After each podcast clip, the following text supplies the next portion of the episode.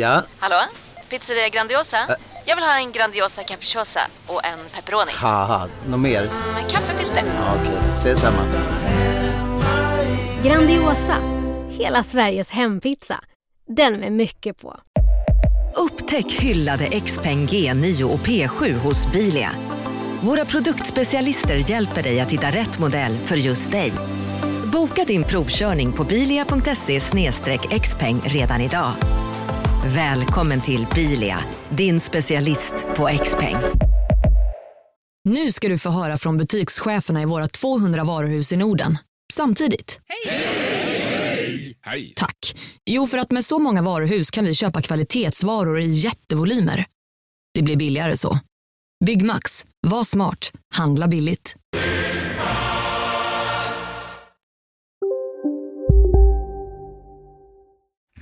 Hej och hjärtligt välkomna till detta, det 25 avsnittet av podcasten Kulturbarnen. Med mig Pontus de Wolf. Dum, dum. Hej, jag heter Ida Tirén. Åh, härligt Hallå, att höra från hallå. dig. Fortfarande Ida Tirén. Ja. Ja, eh, det, eh, jag hörde precis nu i vårt försnack här att du sa att du har äntligen ändrat ljusstyrkan i ditt kontor. Exakt. Jag har numera jag har ett, ett modernt litet studioskiffe där jag kan eh, tydligen med en fjärrkontroll som jag hittade påverka färg och ljus i rummet. Alltså, jag, ja. För er som har hört på podden tidigare så har jag beklagat mig när jag varit i Pontus studio över att jag tycker det är så fruktansvärt ljust där inne. Ja. Och jag, jag är väldigt känslig för så ljud och ljus och ja, olika sådana saker. Och jag tyckte det var jättejobbigt det där ljuset. Så jag är ju så tacksam nu att höra att, ja, det var inte helt off min känsla där. Det är rena terapin här inne. Man kan liksom komma hit och bara njuta, njuta av ljuset och värmen. Men åh, vad glad jag blir för din skull. Du kommer ha, du kommer, din livskvalitet kommer öka så mycket nu. Ja, ja, ja, verkligen. Hur är det med dig? Jo, det är okej. Jag är ju mitt uppe i min himla bok, så jag förlåter samma sak varenda vecka. Jag bara, "Ah, jag vet inte vad jag håller på med, jag är lite inne i min bok. Men just nu går det väldigt bra, så jag, det är verkligen inget klagomål. Det är väldigt kul och jag mässade här med en kompis innan som bara, åh, jag jobbar så mycket, så avundsjuk på dig som får jobba med bo- skriva hela dagarna. Och jag bara, just det, det har du ju rätt i. Lätt att man börjar så här, åh. Ah, Jag är, jätte, jag är ju supertacksam att jag får skriva hela dagarna. Sen att jag då har betalt priset att jag eh, bor hos mina föräldrar för ja, att få skriva hela dagarna. Vi är också glada, vi som läser dina böcker. Ja, precis. Alltså allt det här, bortsett från allt det här praktiska då, uppoffringen, så är jag Mm. ju supertacksam att jag får skriva hela dagen, för det är det jag vill göra och det är det enda jag kan. Mm. Så att jag är jättetacksam. Jag ska, det är absolut inget klagomål, men jag är ju väldigt inne i det. Och Mm. det är väldigt svårt att växla ut och in ur det här jätte djupt inne i boken och sen ska man plötsligt bara, "Ha, hej hej, hallå Ja, världen." ja. Nej, men eller hur. Men det är bra att, bra att vi har dig på länk från Värnamo till Stockholm. Så att vi, Från Värnamo. vi, eller från Värnamo till världen utanför kanske man ska kalla det då. Så ja, vi får liksom, Allting utanför mitt huvud. Till världen utanför mitt huvud. vi får kika in där ibland. Vi mår bättre av att se vad som pågår i Ida Théréns huvud. Ja, men ibland tänker jag på det att jag har ju verkligen tid att tänka efter. Alltså hela mitt yrkeskarriär, jag höll på i över tio år Mm. att bara frilansa. Och det har i, i, i princip enbart varit intellektuellt arbete som man kallar det. Alltså jag bara skriva och tänka och fundera. Ja. Och jag blir ju knäpp, knäpp av det ibland. Men så inser man ju att just det, andra människor har ju inte tid att tänka efter för de jobbar ju hela tiden. Det är fullt upp. Man Nej. hinner inte tänka efter och reflektera. Och det enda jag gör är att sitta här och reflektera. Och det är, ja, det är ju, inget, det är ju speciellt sådär. Man glömmer Ja. bort att alla har, man tänker, varför, varför tänker folk inte på de här sakerna? Varför har de inte, fattar de inte det? Så inser man, just det, de har ju inte tid. De har ju fullt upp att sköta sin vardag. Mm. Det är ett sånt här klassiskt knep för ehm, liksom styrelser och tankesmedier tankesmedjor av olika slag att man inte bara ska ha så här torrt kalkylerande akademiker, vilket i och för sig är bra när man typ eh, bygger bostäder eller sånt där, utan man ska ha liksom någon som tänker fritt och konstnärligt och fantasifullt. En flummare helt enkelt. Alltså gud, ring mig. Jag, jag är definitivt passa in på den beskrivningen. Jag har Ja. mycket att säga och tycka. Det är bara, jag kommer ifrågasätta En allt. filosof. Ja. Jag kommer ifrågasätta det- allt. Det brukade ju, brukar inte antiken vara bra på filosofer? Alltså de hade ju mer liksom en direkt koppling i sitt yrke till liksom matematik och hela den. Men det är också lite, så Jaja. patriark, det är också lite så patriarkatet, typ att så här, Ja. ja. om man, om man ska, ska man vara filosof, då Mm. ska man ha läst filosofi på, på universitetet. Och det ska vara en viss sorts filosofi som är godkänd och akademiskt godkänd, bla bla bla. Ja, Jag har inte gjort det, alltså jag är inte filosof, men det enda jag gör är att sitta och filosofera hela jävla dagarna. Alltså, det är ju lite så här, patriarkatet bygger mycket på att man skapar de här strukturerna som man måste passa in i. Och det är väldigt gatekeepande, man måste passa in i vissa... Ja, det är liksom, antingen får du vara med eller så är du utanför. Det är lite som när man, så här, läkekonsten, eller som när man började bestämma att nu ska vi ha läkare. Alla andra som kunde någonting om, om eh, hälsa, de fick liksom inte praktisera längre. Och det fanns ju positivt med det också, att man försvann, många försvann som så här, lägg en femöring under kudden så blir du frisk. Alltså sådana här grejer. Klart att de ska försvinna, men du har ju jättemånga, exempel barnmorskor och sånt som kunde jättemycket om föda barn, som då männen bara, nej men nu är vi bara de enda som bestämmer hur man föder barn. Ehm, Och det gjorde ju, framförallt då för att man inte ens tillät kvinnor att studera till läkare, f- för en långt in på 19 långt in på 1900-talet, så uteslöt man ju jättemycket kunskap som har försvunnit, som många nu försöker reclaima och sådär. Örter och, och föda, hur man föder på ett bra sätt och så vidare. Och amning och sådana saker som ligger jättemycket efter för att patriarkatet går in och bara så här, vi ska bestämma vad som, är, vad som är rätt. Vad är filosofi? Vad är läkarvetenskap? Vad är det här och det här och det här? Och det är ju så extremt starkt. Ja, men ni, ni som föder barn får i alla fall svara mellan 0 och 9. Hur var upplevelsen? Nej, men det, det är ju äh, jättemycket med så här smärtkontroll och eh, den biten handlar ju om, om psykologi. Alltså att man är liksom, man typ mår bra i rummet. Så kommer till exempel en födsel att gå mycket bättre. Ja, alltså det är Alltså- ja, precis. Och känner man sig trygg och känner man... Alltså, oh, don't get me started på det här med förlossningar. Ja. Alltså, jag, kommer, jag kommer gå loss. Ja, nej men det, det finns känslor. Vi vantrivs i kulturen, podden med Ida Thyrén och Ja. Patrik Pontus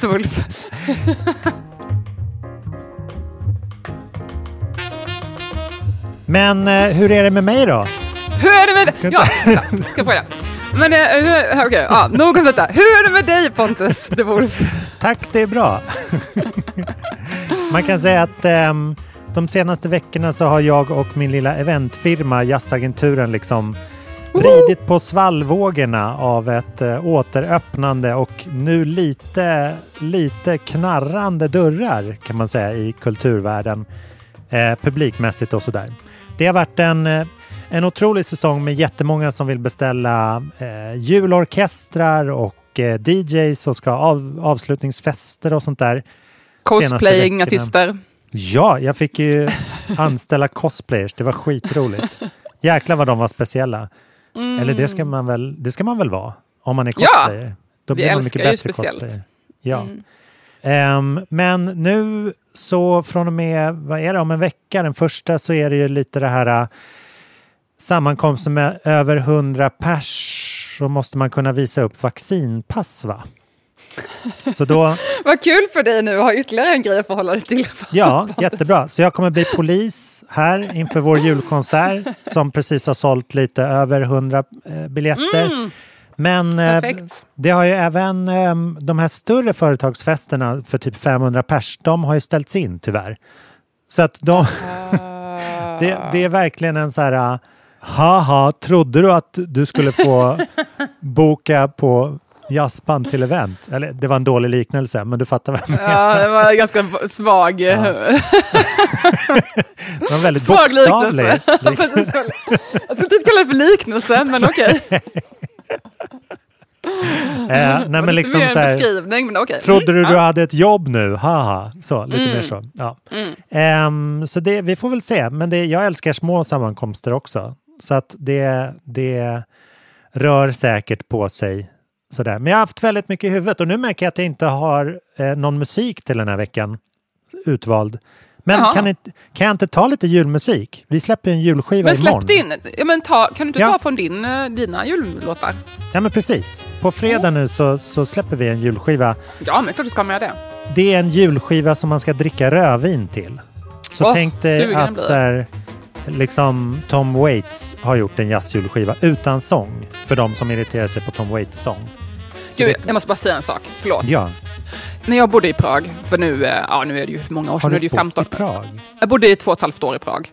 Och um, det här var ju då när jag, från när jag var 19 till när jag var 21 kanske? 22? Mm. Mm. Så det här är ju ett tag sedan. Två, och tre år sedan. Då, ja, två, tre, två, tre. Ehm, då spelade jag i band. Eh, vi kommer Mm. inte ha det här bandet som veckans artist. För att eh, jag vill helst inte att de ska lyssna på vår musik. Ehm, Men ehm, det var en annan inkarnation av Ida. Kort brunt hår, inget smink, inget, inga rakade armhålor. Ni fattar Ja. stilen. Lo-fi, lo-fi, cat power. Ja. Eh, vi spelade då mycket i Prag, på olika kaféer och sådana saker. Och då var det en annan artist som också spelade väldigt ofta. Och det var en tjej, eller en kvinna, som då tyckte hon var skitgammal, men hon var väl typ i våran ålder nu då, Pontus. Ehm, och hon sjöng och lät som Tom Waits. Aha, oj. Så vi, vi ofta Raspigt. tillsammans, i samma så här, scener, liksom, samma eller man säger. Ja. Så vi träffade på varandra, hon var amerikanska. Och hon lät som Tom Waits. Alltså det var, det, var, det hon, alltså... Gud vad Ehm, spännande. Ja, jag hade faktiskt glömt bort det, knapp- men nu när du sa det här så, Ja. så mindes jag, fick jag en flashback. För Tom Waits låter ju knappt som Tom Waits. Det där är liksom en påhittad röst. Eller man ska inte säga påhittad, men på de tidiga plattorna så låter han ju inte sådär growly. Jag kom på nu att jag har ju en klänning, jag fick låna en klänning av henne, men den har jag kvar. Den ligger någonstans i mina lådor, så jag Ah. har snott den klänningen av henne. Men jag ska faktiskt försöka hitta, jag jag ska googla på kvinna, jag ska googla kvinna som låter som Tom Waits, se om jag hittar henne, och så kan, jag, kan vi spela upp i podden. För det Ja. där var, det var tiderna. Men jag hade ju ganska mycket bilder från min tid. Det var ju den här Ja. tiden i Prag, det var ju när jag spelade med mitt band som jag blev upptäckt som modell. Så, så jag liksom var uppträdde typ inför så här, tre personer på, på en bar eller någonting. Ja, ja. Och så var en av de tre personerna en man som heter Dennison Ber- Bertram, som nu är... eh, Han, han var väldigt tidig att köpa bitcoin. Han köpte bitcoin så här först. Ja, okej. Eh, och tipsade mig. Han bara, Ida, du borde köpa bitcoin. Jag bara, jag har inga pengar, jag fattar ingenting. Typ. Och jag försökte så här, köpa bitcoin, men så var det så här, du måste skicka in ditt ID-kort. Och jag bara, ofta jag kommer skicka mitt ID-kort till någon jävla hemsida i så här Sovjet. Eller ja, vad fan. Nej, Mm. så jag gjorde ju inte det. Det var ju då 2010. Så att då hade man ju haft det lite annorlunda ställt idag. Men i alla fall, han gjorde ju det då. Så han lever ju fan good life nu alltså. Ja, Eh, Men han var fotograf, modefotograf eh, och var amerikan och bodde i Prag. Och han eh, bara så här, shit modellar du? Då var jag kanske 20 eller någonting. Jag bara nej, så här, uppväxt i Värnamo, fanns inte så många modellscouter i Värnamo. Um, och eh, han tyckte jag skulle göra det, så gjorde jag lite jobb för honom. Sen så signade han, hjälpte han mig signa min agentur. Så jag, min första agentur var i Prag. Och då Aha. skickade de mig, det första de gjorde var, de var så här, ah, men efter ett lite småjobb där i Prag, de bara, ah, men eh, skulle du vilja åka till Shanghai? Och det, jag hade ju ingen smartphone, för det här var ju då 2005 typ. Jag hade knappt internet, jag hade knappt en dator, jag hade typ en gammal skruttig dator som jag skrev, skrev mina sorgliga små böcker på som ingen ville ge ut. ja, eh, jag bara, jaha, var ligger Shanghai? Visste inte var Shanghai låg. Eh, Tackade ja, för det är ju där i min stil. Jag bara, ja, det är klart jag ska åka till Shanghai. Vet fortfarande inte var det ligger. Eh, så jag trodde väl här, ja, det ligger väl typ så i Hongkong. Alltså, du vet. ja, ja just det. Det går inte så bra. Ja, så jag åkte till Shanghai, så jag bodde i Shanghai då 2005 i tre månader. Wow. Ehm, det, det var ingen bra erfarenhet kan jag säga. Jag vantrivdes väldigt mycket, både i Mm. landet och även med mycket annat. Jag mådde väldigt dåligt. Um, sen fortsatte jag modella, så jag jobbade som modell typ ett år. Och då hade jag ju min enda bas var ju då Prag, för jag hade ju mina grejer i Prag. Ehm, och jag typ så här, någon tjej jag dejtade där, som jag bara hoppsan, nu ska jag åka till Shanghai. Och hon bara okej. här. Ja, det var väldigt rörigt allting. Och sen så slutade jag modella efter något år och då flyttade jag väl typ till Berlin, eller jag bodde i Prag en period till, som flyttade till Berlin. Men, jag, men jag var liksom i Prag i några år. Det var det som var historien. Hur kommer det sig att du fastnar i det här att ha dina ägodelar i en, en annan världsdel? är inte det opraktiskt? Alltså det roligaste var när jag flyttade till Shanghai, då hade jag precis spelat in andra skivan med mitt band. Vi spelade in först en skiva, och så spelade vi in vår andra skiva, som hette Obsessive Compulsive, nej, Obsessive Impulsive. Obs-titeln. Ja. Det var ju då jag som skrev låtarna. Rolls Ehm. off the tongue. Men det var också talande då att jag bara så här, tyvärr jag kan inte vara med och spela med vår, nya, vårt bands nya skiva för jag har flyttat till Shanghai nu. Eh, Ja. och skivan heter Obsessive Impulsive. Så att, ja, det, det var ju ganska talande där. Ehm, Det är ett PR-trick. Hej då! tyvärr var ju det här, så här innan internet, alltså jag kanske hade så här MySpace typ. Ja, jag tror att jag ja. skaffade ehm, Facebook i en vevan för att en kompis till mig i, i Prag Mm. ehm, hade Facebook för han hade haft det på sin så här college typ. Så han var väldigt tidig med Facebook. Så jag hade precis skaffat Facebook. Så det finns någon enstaka bild på mig på Facebook från så här 2005, typ, där jag har så här indie-stilen. Ehm, och sen, för sen hade jag ju alla bilder jag tog under tiden. Jag bodde i Prag, i Berlin, jag bodde i Madrid, jag bodde i Paris. Um, vad fan var det mer? Österrike. Uh, jag bodde hemma hos en kille som odlade gräs. Lång historia. Men han gjorde det på heltid och jag bodde där. Ja, men i alla fall. Jag har väldigt mycket upplevelser och saker jag gjort. Men alla bilderna låg på en hårddisk. Och den hårddisken låg, skulle jag åka mellan Berlin och Prag på sån här buss, du vet, sån här långfärdsbuss. Och då la jag min hårddisk i eh, resväskan där nere i bussen. Och när jag kom fram, då hade hårddisken skakats om ordentligt, så den fungerade inte längre.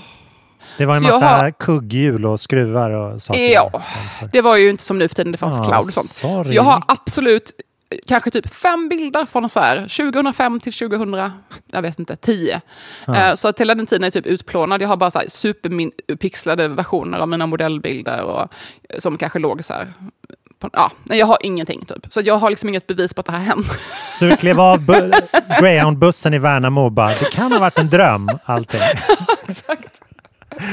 Nej, Men- i Prag var det. Ja, nej, men det var det lite kom sorgligt. ja. Men ja, du vet, nu är jag ju noga, nu är jag ju obsessive impulsive, eller nej, compulsive Det med mina clouds. Med mina clouds. Ja, jag har så ja. mycket clouds. Jag har Dropbox, jag har iCloud, jag har eh, mega, mega storage på min Gmail. Jag betalar så här, flera tusen om året för olika cloud service.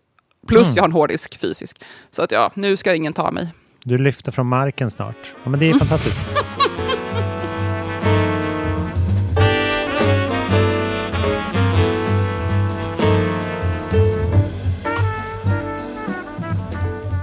Apropå Peking, vad, eh, vad kan du om Norrköping egentligen? Var den dålig? Det var Shanghai, men okej, vi kör Norrköping. Jag, jag är positivt inställd till Norrköping, alltså. jag vet inte så mycket, men jag är väldigt positiv. Väldigt fint museum, det här Arbetarmuseet och Konstmuseet. Just det, just det. Jag, var, jag var nämligen där. Jag gjorde en Ida Thirén och besökte en stad utanför Stockholm. Nej, Ehm, vad ja, kul! Det är inte så man ska referera till dem, jag vet. Men jag åk, åkte utanför hemmet helt enkelt. Vi var och hälsade på kompisar i Norrköping som har flyttat Mhm. dit. Eh, men jobbar två dagar i veckan inne i Stockholm, så de pendlar liksom. Men det där tror jag är framtiden. Ja, det, det är därför jag är positiv Att det är. För- nutiden. För, för Det är tror, nutiden i det. Okej, nu, nu, nu är det nu. nu. Men det var, det var framtiden, men nu är det nutiden. Det tror jag kommer vara mer och mer. Norrköping är Ja. inom pendlingsavstånd. Och det är ändå en fin stad, stor stad. Alltså det var så fin stad. Jag skulle säga, alltså den är ju liksom helt, helt platt och så är det mot, Motala ström. Men framförallt så har de ju gjort otroligt mycket av sina gamla industrier. alltså det är Mm, ju fint. traditionellt en textilindustristad som har varit ganska ruffig vad jag förstått. Men sen de fått dit universitet och liksom det har blivit lite ball att vara där så det är otrolig stadsarkitektur och Det är lite Sveriges Manchester. Ja, verkligen. Exakt. Gamla, Ehm, textil, de gamla textilindustrier som ja, nedlagda. Och... men deras, deras stora, stora seger är ju att ehm, deras industrier låg ju direkt in på staden.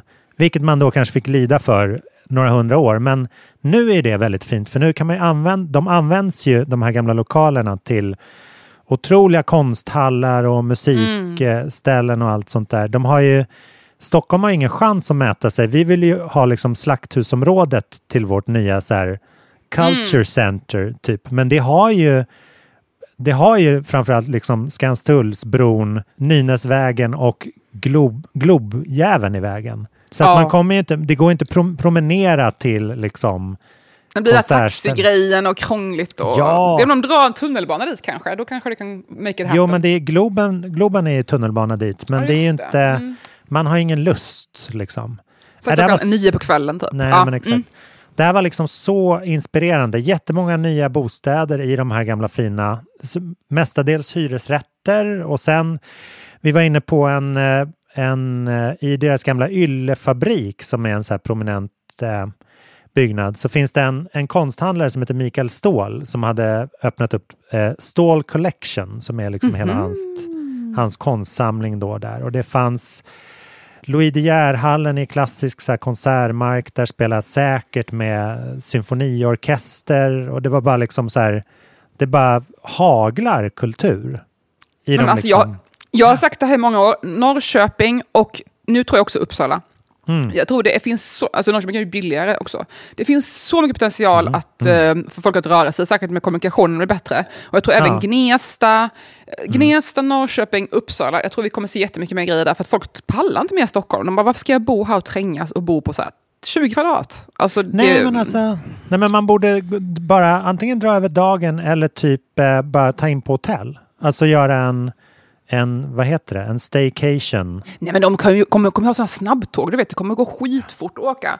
Det är så här, Ja, halvtimme men jag tänker jobbigt att åka hem på kvällen. Tänk om man är full. Det blir inte bra. Men det är som pendeln, du åker liksom till Huddinge eller någonting. Det Ja, behöver ja. inte vara så mycket krångligare. Alltså jag tror Norrköping kommer bli Sveriges New Jersey. Ja, där har du det. Absolut. Ni vet vad jag hörde det först. Ja. Nej, men jag, skulle, jag skulle säga att man var liksom 80 procent lika lycklig som i Köpenhamn. Oj! Ja. Det är ändå en hög siffra alltså. Ja, så om man är liksom on a budget så åk till Norrköping istället för Köpenhamn. Skit i Köpenhamn. Där har ni varit förr. Ja, det får bli den här restaurang, spirande restaurangscenen. Vi väntar på den då i Norrköping. Ja, exakt. Den hade inte kommit än, men eh, den kommer. Den kommer. Vad har, vad har du haft för dig då? I... Jo, jag har ju fått eh, Värnamos eh, kulturstipendium. Woo, grattis! Tackar. Och jag fick ju det här redan i våras, så att pengarna är ju redan borta. Men, Du bara, jag Men, har en grej att ta eh, upp. men det var ingen påfyllning så i ekonomin, utan det var, det var inte påfyllning på stipendiet, utan det var bara själva plakatet, för, plakett, Mm. plakett, eller heter det? stipendiet. För att grejen är att, eller diplomet. Diplomet. För, det. för grejen är ju att de vill ju ha en fin utdelning och Värnamo har ju en väldigt fin Värn, Ida, Ida Thirén Culture and Science Center, Ja, känt mm. från podden. Och också kallas för, gummi, tills vidare kallas för Gummifabriken, som är vårt kulturcentrum. Eh, och där eh, har de ju jättefin auditorium. Det har också varit så dans för ett tag sedan, kanske minns från podden. Ehm, jättefint. Och där ville de ha utdelning av de här priserna. Och då var det både 2020 och 2021 års vinnare som delades ut samtidigt för att de kunde inte ha utdelning förra året. Så nu äntligen kunde de ju ha det här nu under hösten då. Annars brukar det vara under våren. Så vi samlades ett helt gäng och det var vä- väldigt bra arrangerat. Då, det var kanske 50 pers i publiken. Det var fyra, fem, fyra, fem olika pristagare. Och ehm, det delas upp då två, tre stycken om året som får priset. Ja. Eh, Och ett, ett var faktiskt för första gången postumt. Eh, och det var Niklas Lindqvist som är en fantastisk eh, musi musikprofil. Eh, Här i Värnamo, eller var, och han gick bort eh, hastigt i våras, bara plötslig sjukdom. Och eh, han eh, var verkligen så här, drev Värnamos enda musikaffär, så här, var, som var som ett, en hubb där alla samlades och hängde och kollade på vinyler och köpte instrument. Och han älskade Bob Dylan och han lämnade efter sig två små barn som är bara runt tio, så det var otroligt tragiskt att se dem där och de tog emot priset Ja. och det var in, inte ett öga torrt, i alla fall inte mitt. Men det var också väldigt fint och respektfullt. Två av hans goda vänner sjöng några låtar. Han, han älskar Bob Dylan, så de sjöng en, en Bob Dylan-låt och en av hans låtar på scenen. Så det var otroligt fint och känslosamt och väldigt värdigt. Liksom. Så det var dels hans pris, men sen var vi också ett gäng andra. En smyckesdesigner, en filmmakare, Annika, Annika Fredriksson från Mal som bor i Malmö nu. Eh, och så var det jag då. Så att det var, och, ett, och två män som gör så här hemtjänst, hemtjänst, hembygdsforskning. Ehm, och det var väldigt fint arrangerat för då hade, de, hade alla en liten programtid och presentera sitt material. Antingen jag blev intervjuad och fick läsa lite ur min bok och eh, hon som gör film fick visa upp lite ur sin film och så vidare. Ehm, så att det var väldigt så här, tio minuters presentation av folks passion i princip. Så, tio minuters TED-talk. Så det var, det var faktiskt jättekul att få lite nedslag och insyn på vad folk hittar på. Så det här, jag blev jätteinspirerad för att programmet var bara nästan en timme, för det var så snyggt pl- planerat och bra planerat. Men det kändes väldigt givande som att det höll på mycket längre, för att man fick så mycket ut av det. Och min dotter var där och kollade, tyckte inte alls det var tråkigt, utan det var verkligen spännande. Och, det, det, han, och det tänkte på det också, det hänger ju så mycket på arrangören. Det visar verkligen värdet av att vara en bra arrangör. Jag vet att både du och jag, Pontus, har arrangerat mycket grejer i våra dagar. Och jag Ja. tycker det är så viktigt, just det här med inramning, att folk känner sig trygga, att okej, det här kommer inte dra ut på det, det kommer inte vara, folk ska babbla på i hundra år och man hinner bli tröttna och så blir det förseningar, oj då, nu blir det visst, eh, nu kommer den personen som är sist och hamnar helt, alla är redan trötta. Utan Ja, det var så precis. snyggt att så här, man höll tiden, du, du, du, det är så viktigt att ha en arrangör som är liksom trygg, hand, trygg men fast hand, att så här, det här är upplägget, nu kör vi på det. Ja, Alla kommer hem i tid, alla är nöjda. Så jag, då kommer de tillbaka också. är det så Exakt. det tycker jag är nyckeln för en bra arrangör. Och det här var verkligen ett bra exempel på det. Så det var jättekul faktiskt. Och väldigt speciellt och fint att få det här erkännandet från min hemstad faktiskt. Det måste jag säga. Ja. Nej, men också så här kul för min familj och min släkt och mina kusiner och mostrar och fastrar och så här, som inte riktigt fattar vad jag håller på med. För jag vet ju att mitt jobb är ju inte så här, vad jobbar Ida med? Ja, hon skriver lite, så här, det är lite vagt. Då, då är det skönt för dem att säga, ah, hon fick ju det här priset som är ändå Mm. en stor grej i vår lilla stad.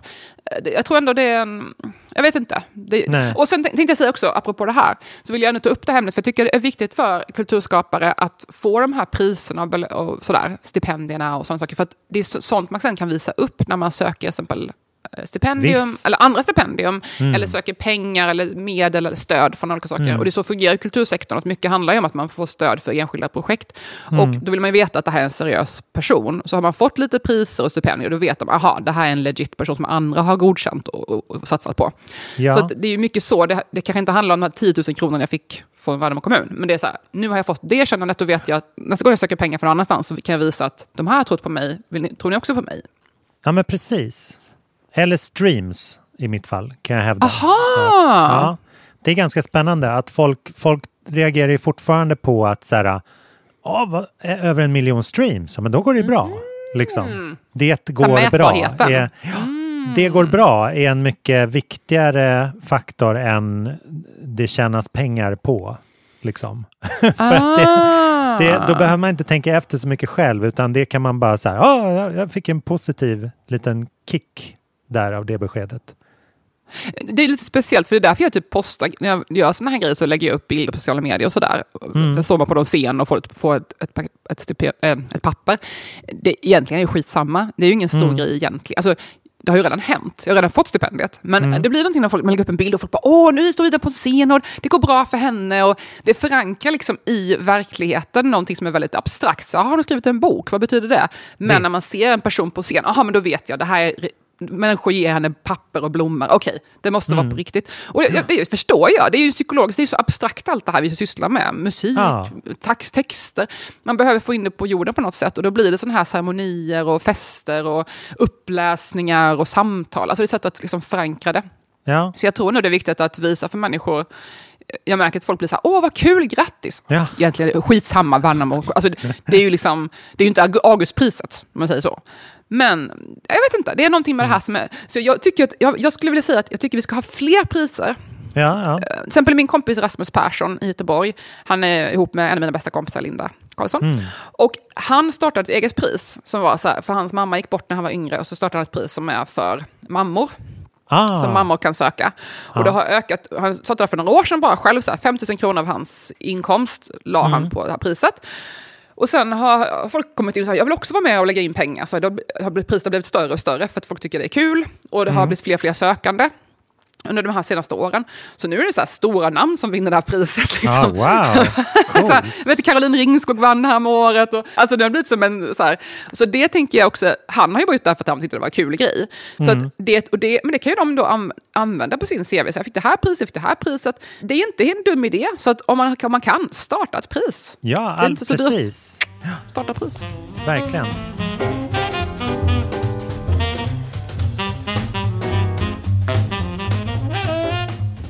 Det, det är roligt att du tar upp det här eh, Ida Thirén Culture and Science Center. ja, för jag äntligen, eh, jag, jag vill eh, förvarna för att det är vissa problem som det kan ställa till med, sådär, även fast jag tycker att det är en plan. Ehm, jag har äntligen kommit på vad det är som jag har svårt med, med att Globen har bytt namn till Avicii Arena. Det är ju inte för att jag Att det är tycker två det är, i. Det är inte för att jag tycker det är dåligt att ta hand om, om eh, psykisk ohälsa. Det är inte det. Utan jag har kommit på... Pontus är emot att behandla psykisk ohälsa. Kanske lite. Men eh, jag, jag har ju tidigare sagt att jag tycker det tar bort själva verket som, som Tim gjorde. Alltså att man, eh, man använder hans namn för att labla olika grejer. Och då, Mhm. då Ja, det här var typ man... första poddavsnittet kan jag säga. För de som Ja, inte exakt. Nej, men att, mm. När man släpper låtar i hans namn och sådär så visar man ju att liksom andra producenter kan lika gärna göra hans musik. Eller liksom Ah, okej. att man, eh, Avicii mm, blir någonting annat liksom. Och då tycker jag att så här, han hade ju ingen aning om, eller vilja, eller så här, vad vet vi om hans syften med att så här, döpa om Globen? Eller liksom, det, det blir någonting annat. Ja. det, det blir en hyllning, men den blir också till priset av någonting. Och jag, jag har kommit på en grej till, eller det som jag liksom, det, det har jag kommit till freds med, men någonting jag stör mig på nu, det är att alla posters där när någon spelar där, till exempel Tåström som ska spela där i vår. Nu står det ju Avicii Tåström på Ja, förlåt, det är, affischen. lite, det är rätt knasigt alltså. Eller så här, äh, inte vet jag, Måns Zelmerlöw, Avicii. Alltså det står artisten som ska spela där och Avicii. Alltså det står artistens namn och ett annat artistnamn. För det, jag kan ju säga att de, de drar ju inte ner typsnittet till att bli särskilt litet, om man säger så. Utan det är liksom, så att det blir ju på sätt och vis, det påminner ju om ett liksom feature, Ja, en featurekonsert. Ett och hans namn, blir featureprojekt. också ett, hans namn blir också typ ett varumärke snarare än att det blir hans namn. Exakt, och det blir någon slags ett varumärke för svensk musik också. Att det, si- det sätter liksom, för jag tror verkligen det visuella när man sätter ett namn bredvid ett annat har ju en, en extrem betydelse. Om, om det till exempel på din nästa bok stod Ida Thirén Pontus de Wolf.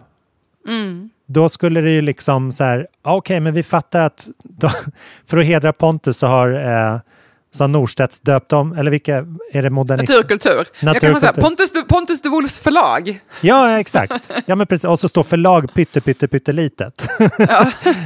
Som arena liksom. Så det står bara Mm. Ida Thirén Pontus de Wolf. Och då blir det liksom, det blir ju så här, äh, det blir någonting. Ja, Ja, mm. det lilla. Hej, Synoptik här. Visste du att solens UV-strålar kan vara skadliga och åldra dina ögon i förtid? Kom in till oss så hjälper vi dig att hitta rätt solglasögon som skyddar dina ögon. Välkommen till Synoptik. Dåliga vibrationer är att gå utan byxor till jobbet. Bra vibrationer är när du inser att mobilen är i bröstfickan. Alla abonnemang för 20 kronor i månaden i fyra månader.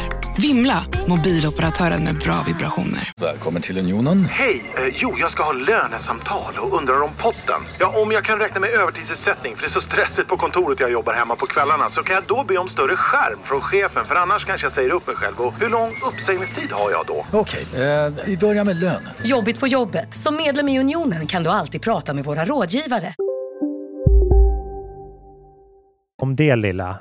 Ja, det, det, här, jag tänker det här är lite som så här, en hyllning som blir, som blir, tar över och blir typ inte en hyllning riktigt. För, Ja. för det liksom urvattnar hans namn istället för att hylla det, eller vad man nu vill att det skulle göra. Ja. Eller det riskerar, förlåt, det är en hyllning som riskerar att urvattna hans namn istället Och- för att lyfta fram det. Och det är ju liksom lite en tidsinställd grej så här. Säg kids som kommer dit om tio år. Så här, ikväll Ja. ska vi på Avicii Arena. Så här, bara, har du, vet du att det finns en artist som heter Avicii? Ja, just bara, det. Nej, När det våra barn växer ja, upp. men det, ja, exakt. Så här, men min mamma lyssnade på Avicii. Vadå, varför hette han samma sak som en, som en golfboll? Ja, det. Eller det verkar ju så här. Det blir ju lite... Eh, ju längre fram i tiden, jag tror det här är en temporär namnändring, men det behöver vi inte, det kan vi skita i. Men Kan vi spekulera? Ja. Ja, men att liksom ju mer tiden går desto närmre kommer ju Avicii-artisten och Avicii-arenan komma varandra i, liksom, på, i begynnelsepunkt så att det blir till ett. Liksom. Just det. 2010-talet kom Avicii. Det var en eh, arena, det var en genre, det var en, en kille som gjorde musik i den här genren. Ja. Det blir sp- spännande att se hur den mus- musiken åldras, alltså hur folk kommer förhålla sig till den om 20 år. Eh, Ja. Om det blir samma som så här, känsla av så här, golden oldies som vi Mm. har nu till typ Elton John, eller kanske, men jag säger det för min dotter har just nu en besatthet av Elton John. Så det är därför jag kom upp. Det tack, bra. tack, tack. The Ja, fan vad jag har lyssnat på. Hakuna Matata. Nej, den har hon faktiskt inte hört. Den har hon inte hört. Den tänker jag att hon inte ska höra. Jag, jag Nej, försöker nej. liksom Ja. hålla mig till de här låtarna som jag tycker om, typ Rocket Man och sådär. För, för hon började kolla på en dokumentär om Elton John och så fastnade hon i den. Oops. Och sen har Ja. det blivit mycket Elton John då, googla och videos och, och så vidare. Elton John och ABBA just nu. Fan vad härligt. Men ja, det är ändå bra grejer. Men, jag läste eh, om så himla bra beef mellan Elton John och eh, Rod Stewart. Vill du höra? Ja, precis. Men det var lite om det i dokumentären. Men ja, säg. Ah, okej. Nej, men att de, de munkäftades lite, eller vad man, vad man säger. De tjabblade lite där på 70-talet när de blev kända samtidigt. Men så hade de någon så här rejäl fylla i några dagar som eh, slutade med att så här, har. Rod, Rod skulle komma över med en present och då var det typ 100 flaskor champagne eller något sånt där. Eller nå någonting så här jättefint bara kom över. Och så här, ja ah, vad fint sa Elton, för jag har en present till dig med. Så här, men öppna den inte förrän du kommer hem. Så öppnade den så var det en så här Rembrandt. Alltså. Så de hade fortfarande det som skämt att så här, Roddy är skyldig en bättre present. Alltså det, där, det, där kan, det, där, det där blir du och jag om några år. Ja, alltså det är sån djävulsk excess på det där. Men vi nämnde lite tidigare så här Augustpriset när vi pratade om böcker. Ja! Mm. Det är också liksom, eh, det, det bara gick jag, jag jobbade på Pocket Shop och skrev själv och så här älskade böcker, litteraturvetenskap och tänkte bara Augustpris, Augustpris, Augustpris. Jag slog ju aldrig ihop att det, så här, att det var Strindberg det. Ah, Och det mm. tycker jag man knappt gör nu heller. Alltså Augustpriset betyder ju inte Strindbergpriset liksom. Fast det är, den, det är den största författaren vi någonsin har haft. Och man har döpt efter honom så här. Fint och Jag vet hyllande. inte, Men var, var han störst? Men okej, det är en konversation. det är en konversation. Han Ja, var det det, en någon, en av dem. Han var stor, Topp han var stor. Ja. Mm, kanske. Men i alla fall, ehm, det släpper ju tag om varann. Så här, även fast Ja. någonting liksom kallas någonting. Så, Precis. Men däremot kan jag säga att jag är väldigt glad att Elin Kullhed vann Augustpriset. Hon Ah. ehm, eh, är bekant till mig, hon var på min releasefest också, så, så jag har lite privat relation också. Men jag Mm. läste hennes bok precis när den kom, så nu är det ju faktiskt ett år sedan jag läste den. Vad heter den? Eh, Eufori. all right. Eh, Den handlar om Sylvia Plath och är, det är lite det. samma genre. Eller, och jag läste den typ nästan direkt när den kom. Och eh, jag hade sett fram emot den i flera år. Vi hade pratat lite grann eh, innan, för båda två höll på med våra projekt. Min bok handlade om June Mansfield, eh, fru till Henry Miller och eh, eller, ja, älskarinna till Anna Isnin. Mm. Och hennes bok handlade om Sylvia Plath. Så båda två har lite det här intresset av verkliga personer som vi då båda två skapade en egen version av. Alltså jag-form. Det som nu då har fått genretiteln. Ja. Exofiktion kallas det här. Ah. Det visste ingen, ingen av oss för nyligen. Det är framförallt Helena, eh, det är Helena Fagertun som har populariserat det. Exofiktion. EXO. Ja. Ja, Exofiktion. Och det har eh, Helena översatt, det är översättaren och skribenten Helena Fagertun som har populariserat det här uttrycket. Hon har också skrivit en text om min bok, men jag har faktiskt inte läst den för att jag har bestämt mig för att inte läsa några texter om min Bra. bok. Bra. Eh, så att jag jättetacksam att hon skrivit om den i ord och bild. Men Mm. jag har inte läst den för jag pallar inte typ. Jag, jag, kom till någon slags insikt halvvägs in i mina recensioner. Jag bara, varför gör jag så här mot mig själv? Jag blev jätteledsen de som var negativa. Jag blir ju glad för de positiva såklart, men Mm. de negativa sätter sig ju i en. Och varför ska jag utsätta mig för det och hindra mitt framtida skapande och hämma mig själv? Det är ju någon persons åsikt och som kanske baserat på deras förkunskaper eller deras egna bitterhet eller avundsjuka eller ilska eller frustration, vad vet jag? Alltså, Ja, men Eller plus så att man börjar kanske ta in det när du berättar om din bok. Så här, så här, ja, men det nu i efterhand kan jag se att den var lite så här ex- Exofiktionen av den var lite svag på sina ställen. Eller Ja, så här, vad, det kan vad sänka folks upp. upplevelser. Ja, exakt. Jag känner bara, jag, jag bara så här, nej, men varför ska jag göra det här mot mig själv? Det är ju bara p- självskadebeteende. Så jag har faktiskt slutat läsa både positiva och negativa recensioner. Mm. Ehm, nästa bok ska jag, nog, ska jag göra så att jag ska be antingen min PR-person eller typ min kille eller någon att läsa Bra. allting och sen säga den här kan du läsa. Det är bra. Eh, Så. Men i alla fall, Helena Fagertun har populariserat det här uttrycket. Och både jag och Elin har skrivit böcker som är den här genren. Vilket Men är vad betyder det då? Nu, Det är nu då- sitter vi på nålar. Ja, precis. Det är alltså en känd person som existerat, eller en person som ex- existerat i verkligheten. Ja. Och man lever sig då in i personen och ofta skriver i jag-form, ofta lite så, ehm, vad heter det? Exper- experimentell stil. Att Mm. man lite grann tar ut svängarna och försöker leva sig in i personen och återskapa en, ett möjligt narrativ eller en möjlig agens för den här personen. Jag det här är förstår. lite min version, så don't quote me, men typ så Mm. uppfattar jag det. Eh, och det här är en genre som jag älskar och kommer fortsätta skriva i. så att, Mm. eh, det var att vänja sig för mig. Men i alla fall, Elin vann då Augustpriset för sin bok Eufori, som är jättebra, om- om Sylvia Plath. Så jag rekommenderar det varmt. Jag funderar på att läsa om den nu när hon fått så mycket uppmärksamhet. Det kan vara kul att se, läsa den en gång till. Men, eh, Kommer du tycka jag är den också- är bättre då? Nej men precis, ja, precis. kommer jag tycka, eller kommer jag tvärtom tycka den är sämre för jag kommer här, ha höga förväntningar. Ah. Nej, ehm, den handlar ju om Sylvia Plath som jag också är väldigt intresserad av, har läst både hennes böcker och böcker om henne förut. Så jag Mm. hade väldigt mycket förkunskap, jag hade läst flera biografier om henne förut. Så jag, jag kom ju väldigt väl förberedd. Sen kan man ju tycka Sen kommer såklart, ju mer man kan om någonting så kan man ju bli så här, ja men det här missade den eller här har den fått, fått fel. Så, det, så det, de som vet mycket blir ju mer kritiska än de som Mm. inte vet alls.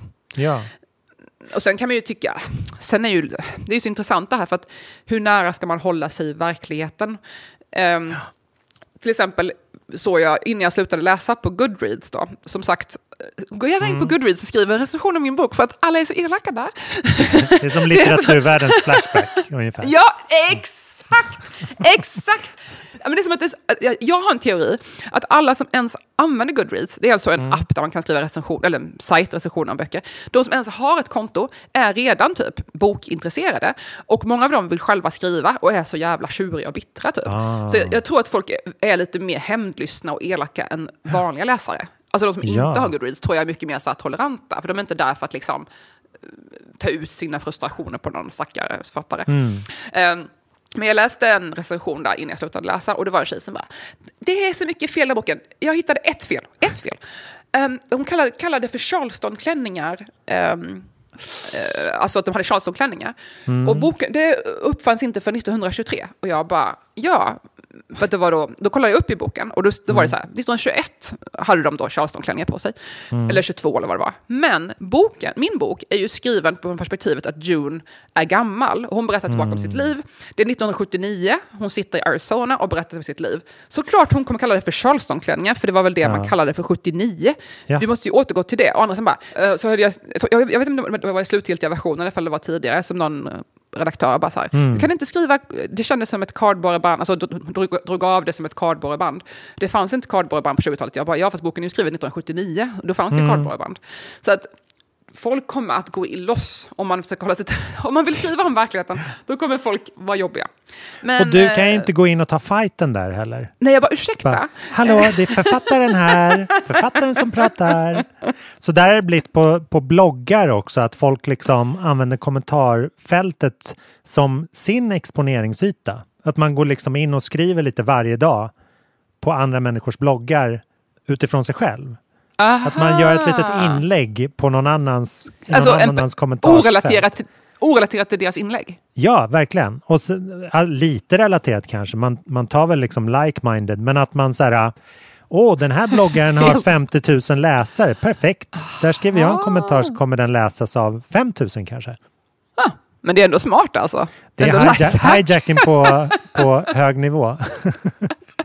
Fast är det det? För jag menar, en bloggs syfte är ju att nå ut till många läsare och ha en lång... eh, Med, visst mäter man hur länge folk är på sidan och sådär? Ja, men det betyder nog inte någonting för de här, just de här unga författarna. Eh, men men jag, jag tänker att även där så, kan, så är det svårt för liksom upphovsmannen till bloggen eller blogg, bloggaren, bloggerskan att ta fighten. Liksom. Ja, så här, har sluta, skriv här. Eller liksom, det blir ju väldigt... ehm, det kan bli dåliga vibes av det också. Jag vet inte hur det funkar på Flashback. Där tror jag det är all, things go. Men Men jag har faktiskt, jag faktiskt, när du säger det så har jag faktiskt sett folk klaga på det här på Instagram också. Att folk går och typ, eh, alltså så här Instagram-konton de så här ger Mm. råd om saker eller informerar om saker. Mm. Och så kommer det in folk som så här jobbar med det eller coachar om det och typ svarar på frågor i kommentarerna och så. Och försöker liksom Oh. att, att liksom, ja, bli deras så klienter. då. irriterande. Usch. Jag har haft en Mm. riktigt dålig Twittervecka. Apropå det här att man inte kan Aha. gå in och liksom skrika åt personer. Okej! Det började med, det, alltså det, det uppstod ett, ett skämt, jag vet inte om du såg det, det här DHL, DHL-skämtet. Ja, alltså, jag ska bara kort säga hur jag håll- förhåller mig till, Twi- till Twitter. Jag Ja. hade ju en kort period för, nu är det mer än tio år sedan, när jag hade vann, ett- vann flera priser för, för min Twitter. Ja. Oj jävlar, Ehm, vad gjorde ja. du då? Eh, jag skapade en persona, fiktiv persona, eh, som hette Villig tjej och typ twittrade med så här, skämtsamt om Stockholmslivet, fast, fast liksom en twist som jag Ah. fattade att var- jag var smart. Ja. Eh, fast det var puckat. Ja, och jag vann, så här, jag blev nominerad till Stockholm Citys berättarpris. Jag, jag blev nominerad till Nöj... Var det nöj, nej, inte nöjska. Jag blev i alla fall på omslaget av DN, DN på stan. Jag, Lina Thomsgård och Kakan Hermansson. Vi var på omslaget av DN på stan som sa Årets Stockholmshjältar. Jag var typ så här, nummer åtta. Ehm, och jag höll mig då anonym. Det står så här, champagne. det var jag. jag täckte lite mitt ansikte, men jag hade, man såg min tatuering så man kunde fatta att det var jag. Men i alla fall, så att jag, det var på grund av min Twitter då. Att det var, för mig var det ju som ett performanceprojekt, men ehm, Mm. Ja, eh, men i alla fall, så att då hade jag ju en liten peak i Twitter. Och sen nu eh, vimlar ju Twitter av sådana här olika tjejer som skriver skämtsamma och liksom, sitt privatliv fast blandat med lite spaningar om livet. Nu är det ju standard på Twitter Ja. med lite så här udda namn, men det var ju jag såklart som då. Som, som, I alla fall, kanske inte var först, men jag var i alla fall den första som fick Mm. uppmärksamhet för det här. Eh, och sen så slutade jag med det då, 20, nyårsafton 2011, eh, till 2011. Men det jag skulle säga var, sen dess har jag inte läst på Twitter, för jag blev helt bränd. Så jag har Mm. aldrig haft Twitter-appen på min telefon. Jag läser inte Twitter. Jag, jag kollar mina mentions, jag kanske bläddrar typ en, once in a blue moon, går in och kollar på Twitter. Men Mm. det intressanta som jag har märkt är att det finns människor som förhåller sig till mig som att vi känner varandra. Och jag Ah. är så här, jag vet inte vem du är. Och då har jag kommit på, det är för att jag följer dem på Twitter. För jag följer tillbaka alla som följer mig. Typ. Jag, jag, om jag orkar eller hinner så bara klickar jag Mm. följer tillbaka. Så då tror de, att jag, tror de att jag läser deras tweets. Så de bara, "Ah, du, du vet ju det här om mig. Jag bara, jag vet ingenting om vem du är. Nej. De utgår från att jag då känner dem för att de tror att jag läser deras tweets. Intressant. Och det säger så mycket om hur man utgår från att alla an, andra använder sociala medier som man själv använder det. Nej men Twitter har ju liksom, som jag upplever det, skrivare och läsare. Verkligen som du säger. Att det är så här, och aldrig förenas det tu, typ. Ja, men Att det, exakt. det finns, det finns liksom ett, en handfull som kommer ut med åsikterna och som liksom har många följare och likes. Oftast är det journalister, politiker eller stand-uppare, upplever jag det som. det är i alla fall de som jag de som jag ser. Och då, Och jag då fyller alla jag är alla tre. Ung tjej, politisk stand-uppare med en vass penna. ja, det kan stå i ditt handle. I alla fall. Ja, det, funkar ju bra i alla fall. Mm. Det uppstod ett DHL-budsskämt för att det var en, en eller någon som, någon som jobbar inom finans, ekonomi, en rik person underförstått på Östermalm som sa att så här, jag kikar igenom nyckelhålet, ser en DHL-man, vågar inte öppna dörren. Är det så här det ska vara? Året är 2021, Mm. typ någonting. Och så kom det en massa liksom ganska skamlöst eh, associerade skämt om det här då. Att jag beställer en pizza men när den kommer hit så vågar jag inte öppna dörren. Året är 2021. Eller så här, som att det var så här, Mm. gud vad jobbigt för dig att vara rik. Liksom. Det var undertonen i det hela. Just det. Eh, men två dagar innan så hade det ju liksom skett ett stort polistillslag på Karlavägen.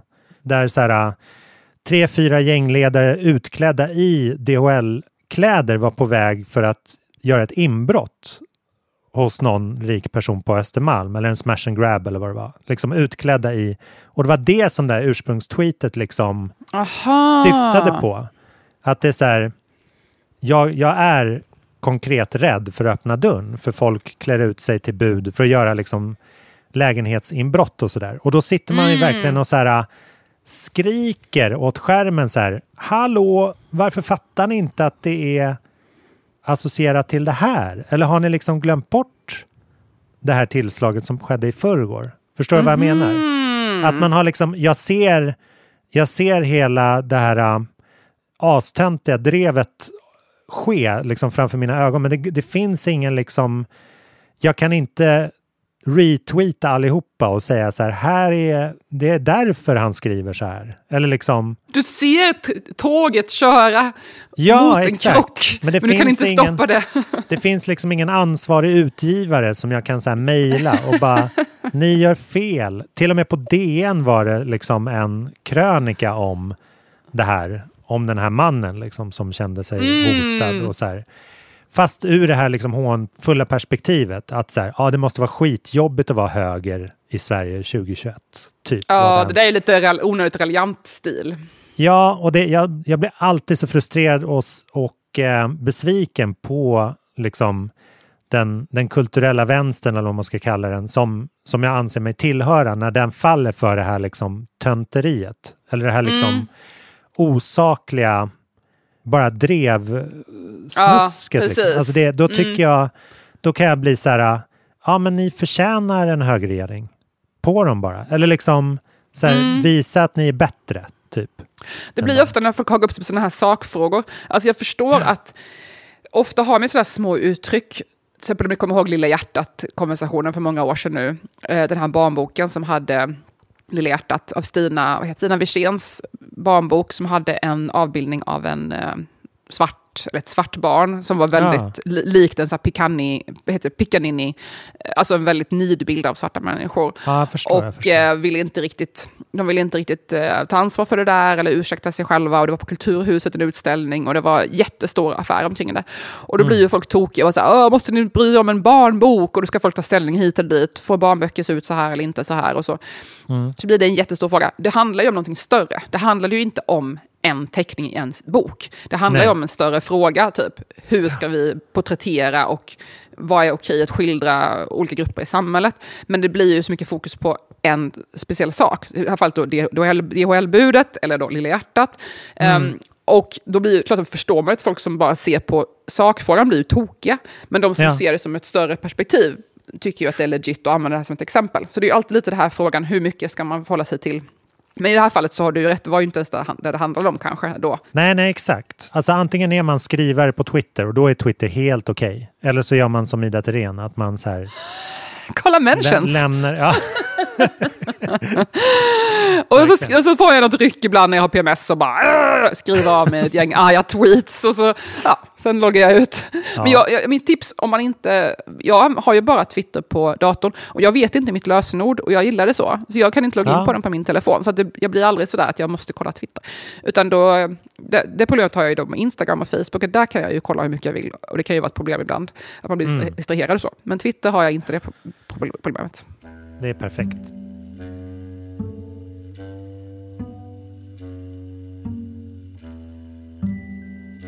Jag tänkte på en grej när du sa det här med Avicii, alltså att man vill, vill så väl att det blir fel. Ja. Ehm, och jag, jag tänkte på en liknande grej i veckan, jag kollade på Twitter, eller Twitter, jag kollade på TikTok. jag kollade Twitter. Nej, ehm, jag kollade på TikTok och där var det någon som hade ställt en frågan så här. Det finns ett system, för det är inte, de som inte är bekanta med TikTok, det, det, är liksom ett, det är memes, alltså det är idéer som sprider sig och blir varianter av idéer och så vidare. Kortfattat, det är väldigt svårt att förklara. Men Åh, då kan, Fan vad elegant förklarat. Det där ska jag trycka upp på ett, ett visitkort. När, min, när folk frågar vad är det här TikTok så bara lämnar man över det.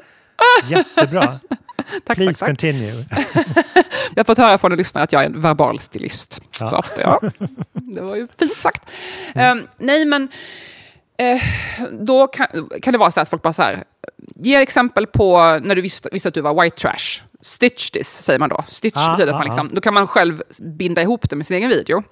Så då kommer introt Ja. först så här. Nämn ett exempel när du var, upptäckte att du var white trash och så får man berätta. När jag insåg att vi aldrig hade någon mat hemma och så vidare. Ehm, och då var det en som sa så här, stu, eh, om så här, stitch this. Och så var det, ehm, säg någonting som är så öppensinnat att det blir homofobiskt. Alltså, eller något sånt här då. Alltså som Aha, är så ja. liksom, inte homofobiskt att det blir homofobiskt. Ehm, och då var det en eh, person som pratade som var lesbisk men som presenterades ganska så här butchigt lesbisk. Mm. Och hon sa att hon ofta blev tillfrågad vilket pro- pronomen hon använde. Medan hennes flickvän som, inte hade, som hade levererat så här fam tjejigt eh, presenterad, eh, citationstecken tjejigt, ehm, blev inte tillfrågad då vilket pronomen hon hade. Ehm, och hon menade Så att det här, him, var... her, they, typ. Exakt, Mm, alltså om hon var då icke... Folk mer och mer utgick för att hon var icke-binär när hon bara var butchig tjej. Mm, mm. Eller så här mer maskulint presenterad kvinna. Och hon bara, jag är väldigt bekväm att jag är kvinna. Det finns inget, jag känner mig väldigt trygg i att jag är kvinna och jag har landat väldigt bra i det. Ja. Eh, men nu, sista åren, har det ökat väldigt mycket förståelsen och användningen av icke-binär som en tredje grupp kan man säga. Eller som en Mm. flytande tredje grupp. Mm. Ehm, eller som en kategori för hur man kan välja sitt, presentera sitt könsidentitet eller sitt juridiska identitet också. Mm. Eller man vill ju göra det till juridisk identitet också. Men i alla fall. Ehm, men då blir det ju liksom, hon blir ju sårad när folk då ifrågasätter hennes, kvinn, alltså hennes identitet. Alltså genom att bara fråga henne och ingen annan i gruppen, vad har du för pronomen? Så underförstått så tänker man ja du är förmodligen icke-binär, för du ser ut på det sättet som vi förknippar med icke-binär nu. Och, och då Just blir ju hon liksom ifrågasatt, jaha, är jag inte kvinna längre då? Eller tycker inte ni att jag är en kvinna då? Eller Mm. vad förutsätter ni att, ifrågasätter ni min kvinnlighet liksom? Mm. Hon menar ju att det, hon förstår ju att det kommer från en bra ställe, att folk vill fråga om pronomen och vara respektfulla och använda rätt pronomen. Är det hon, eller det, är det hen, eller, eller, eller Ja, han? ja. Men för henne blir det ju så här, ha, antyder du att jag inte är kvinna? Just det. Eller liksom Så det blir ju- utgår du från det? Eller liksom... Utgår du från att jag inte då kan vara kvinna för att jag ser ut så Mm. här? Så det blir ju typ lite homofobiskt. Eller, eller nästan, ja. Så att det, det är menat väl, men det blir ju i förlängningen inte så kul för den personen som utsätts för det här. Nej. Så det tycker jag var ett bra exempel på så här, välmenande grej som blir väldigt knasig. Verkligen. Ehm, och då kan man ju, jag har funderat mycket på hur ska man förhålla sig till det här med pronom, pronomen på ett bra sätt. Och jag såg ett tips på Instagram som jag tyckte var så himla bra, så jag ville tipsa vidare om det. Och då var det en lärare som hade skrivit ut ett papper och då stod det så här, vad heter du, vad har du för pronomen? Och sen får man skriva så här, är du bekväm att jag använder pronomet om dig inför klassen? Vill du att jag Ja. använder dig, dig för dig privat? Eller är det okej med att ringa dina föräldrar att jag använder det här pronomen? Mm. Och så vidare. Eller något annat du vill dis- dis- diskutera med det här, så kryss- kryssa i här om du vill prata mer med mig om det här privat, så kan vi diskutera det vidare om det är någonting som du pratar om. Det var så himla smart sätt, för jag har nämligen funderat på det här, för jag är väldigt mån om att respektera folks pronomen i den mån jag kan. och så. Mm. Ehm, men det blir också svårt kanske om man ska göra det i en grupp. Säg att du har en grupp med tio personer, en workshop eller någonting som man ska hålla i. Och så bara, "Ha, nu ska alla säga sitt pronomen. Det är ju jättejobbigt kanske, för det är kanske inte alla som vill outa sig själv som trans eller vad det nu kan vara. Nej, Alla kanske inte är bekväma att göra det. Så här, första gången man träffar en ny grupp. precis. Så hur ska man hitta den här fina balansen att alla ska få veta vilket pronomen man har, men liksom inte tvinga någon att outa sig själv om de inte vill. Så det blir också så här, det kanske är respektfullt att fråga alla om pronomen, men alla kanske inte vill berätta det i en, i en grupp. Precis, det blir väldigt platt och tvådimensionellt. Egentligen så skulle man ha liksom en, man skulle ha ett djup i ordet också. Som var liksom så här, du får kalla mig det här när vi har känt varandra en liten stund. Sen kan vi glida över till det här och i slutändan när vi är bästa vänner, då får du kalla mig det här.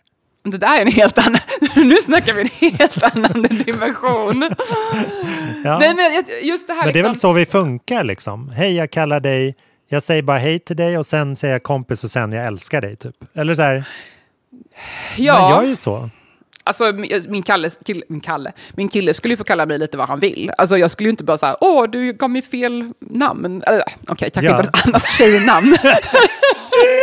han bara, åh Champagne. Gunilla. Jag bara, vem fan är Gunilla? Jag ska döda Vi har alla våra gränser Ida. Där Jag går gränsen. Gunilla, där går gränsen för mig. Ja. Ehm, för jag tänkte på den här grejen, jag var på, ute för ett tag sedan och sen så bör, min kille stod och pratade med en kvinna och jag, som han kände och då började jag prata med hennes kompis som hon var ute och åt med för att ja, jag har sociala skills, eller jag har lärt mig, jag har, jag har lärt Mm. mig, jag har sociala Ja. skills. Ehm, Jag har studerat hur man gör, så jag vet nu hur man gör. jag har studerat noga hur man ska bete sig Ja. och försöker så gott jag kan. Så jag var så här, ah, nu får jag väl prata med henne lite. Så står vi där och pratar och hon bara börjar typ förhöra mig. Hon bara, jaha, Åh jävlar. Jaha, du har en dotter. Hur gammal är hon? Jag bara, "Ah, åtta. Hon bara, "Ha, eh, har, du, har du henne varannan vecka? Jag bara, nej.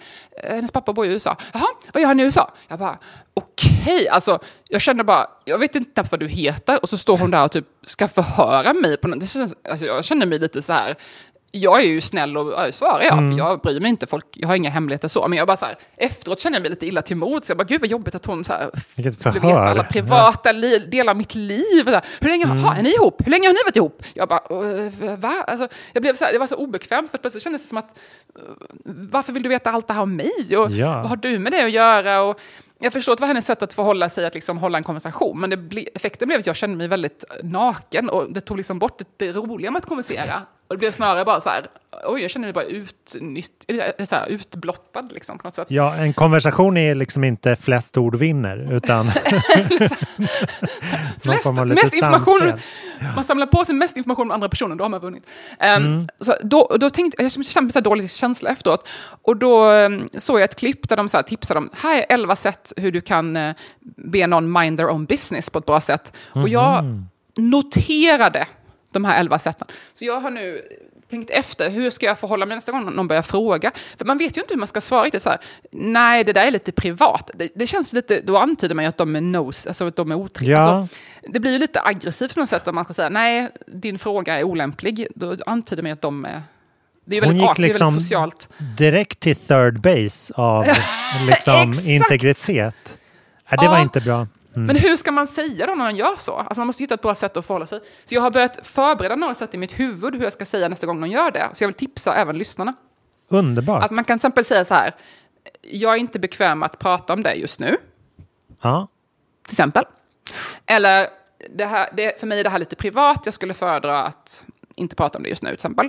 Eller Mm. jag, är, jag, jag föredrar att hålla det för, för mig själv till exempel. Men alltså vad man nu passar, som passar en själv. Ja, det här är ju inte rocket science så. Man kan ju hitta på, det är ju inte så speciella meningar. Men, men att man kan fundera lite i förväg så man har de här meningarna redo i munnen. Så man inte står där helt mållös och bara och och vill inte vara otrevlig som man svarar snällt på frågorna fast man kanske inte riktigt vill. Nej, just det. Så jag vill tipsa alla att fundera lite ut två, tre sådana meningar som passar just dig. Så man har dem redo till hands när någon börjar gräva för mycket i ens liv. Det är faktiskt väldigt bra. Man kan känna sig lite verbalt antastad efteråt i sådana där situationer. Annars, men Varför svarade jag på det där för? Det var väl inget bra. Ja, men särskilt när det kommer till privat saker som ens barn eller ens familj Mm. eller då i mitt fall ex-partner eller fy fan Ja, vad man inte... Mm. Folk har ju ingen känsla för det där alltså. Är det ruggarns? Ja, nej men det, det ska jag ta med mig in i helgen. För nu tänkte jag ta, ja, det är inte helg än, men jag tänkte gå från arbetsplatsen här. Du ska gå hem för helg? Nej, inte riktigt. Jag ska väl ut på, jag ska jobba kväll. Eller jag, eh, jag har egentligen ingen koll på dygnet. Jag tänkte vi skulle avrunda för idag bara. Du ska cosplaya lite. Ja, ja man måste ju det. Cosplaya som minglare kanske. Jag vill bara tipsa om man vill gå på teater, Irakisk Kristus som jag har sett förut, tipsat, tips- tipsat om i podden. Det går Mm. fortfarande. Otroligt Ah. bra. Och, och sen på mm, Teater Galeasen. Och sen såg jag att de ska börja med eh, eh, Linje Lusta. Den föreställningen som var för några år sedan ska de nu visa igen på Dramaten nästa år. De har precis släppt biljetterna och det har redan börjat sälja, säljas loss. Och jag tror Åh, att jag ska se den igen, för det här var typ en av de bästa pjäser jag sett i mitt liv. Alltså det, det är så Ah. bra. Linje Gud, vilket Lusta, supertips. alltså A Streetcar Named Desire är ju då Tennessee Williams eh, Ah. Det finns också en film med Marlon Brando. Um, otrolig pjäs, otrolig, alltså allt är så bra. Jag ska se den en gång till för den var, jag har pratat om den hur mycket som helst. Så att det, den kommer att gå i maj nästa år på Dramaten. Så att passa på att ta en biljett nu för att annars blir för sent. Fasen vad underbart. Ja, Mm. årets, årets julklapp är ju en, en eh, biljett. Är det det? Var det det som var årets julklapp? Ja, jag tror det. Och jag har ju köpt eh, en biljett till min dotter, nu, kommer inte hon lyssna på det här så jag kan säga. Jag har köpt Mm. en biljett till Sound of Music på Kulturhuset till henne. Fantastiskt. Mm. Kom ihåg att ta med vaccinpass. En biljett och ett det. vaccinpass kanske. Just det. Just Årets present. Ja, exakt. Då får du ha en fin vecka Pontus och vi hörs nästa vecka. Ja, det gör vi. Bedårande. Ha det så bra. Mm. Kul att prata med dig. Detsamma. Hej då allihopa! Hej då.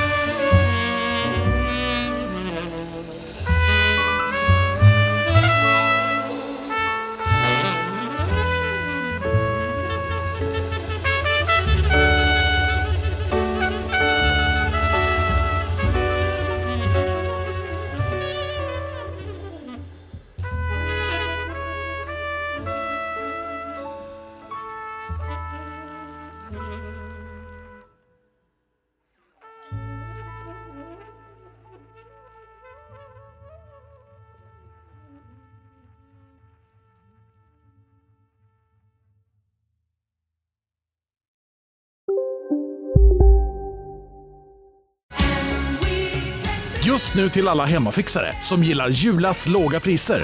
Ett borr och bitset i 70 delar för snurriga 249 kronor. Inget kan stoppa dig nu.